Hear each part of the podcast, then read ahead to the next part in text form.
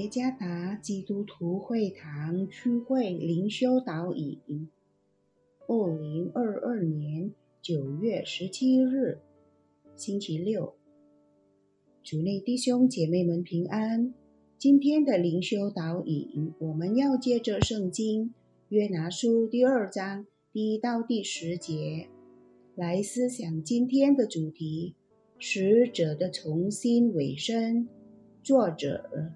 恒卫国牧师，约拿书第二章第一到第十节，约拿在鱼腹中祷告耶和华他的神，说：“我遭遇患难，求告耶和华，你就应允我；从阴间的深处呼求，你就俯听我的声音。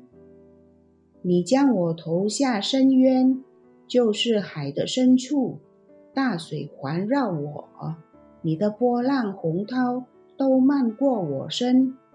我说：我从你眼前虽被驱逐，我仍要仰望你的圣殿。珠水环绕我，几乎淹没我；深渊围住我，海藻缠绕我的头。我下到山根。地的门将我永远关住，耶和华我的神啊，你却将我的性命从坑中救出来。我心在我里面发昏的时候，我就想念耶和华。我的祷告进入你的圣殿，达到你的面前。那信奉虚无之神的人，离弃怜爱他们的主。但我必用感谢的声音献祭于你，我所许的愿，我必偿还。救恩出于耶和华，耶和华吩咐鱼，鱼就把约拿吐在旱地上。心智或决定在特定时刻，例如年底会产生多大的影响。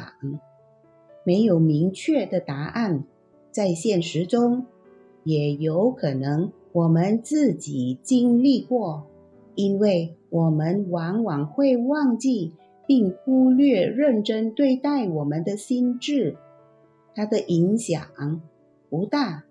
尾声又如何呢？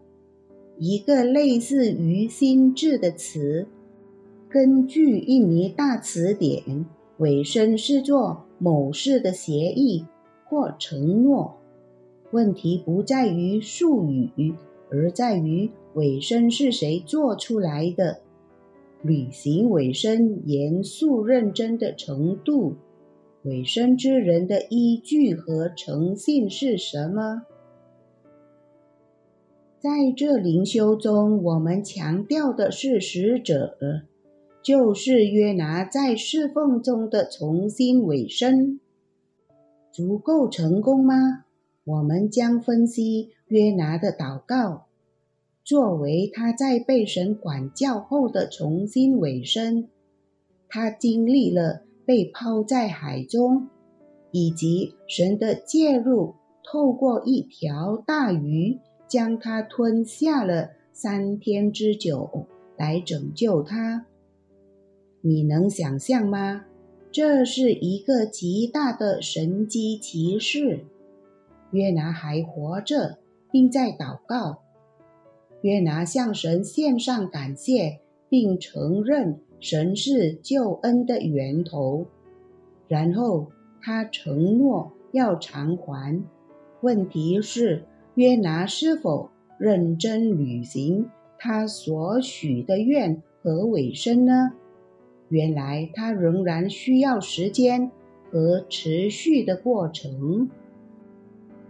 理想中尾声应该认真且很好的去完成，特别是如果我们的尾声是执行和履行完成神之使命，神的恩典可以成为我们认真对待尾声的基本动力。因此。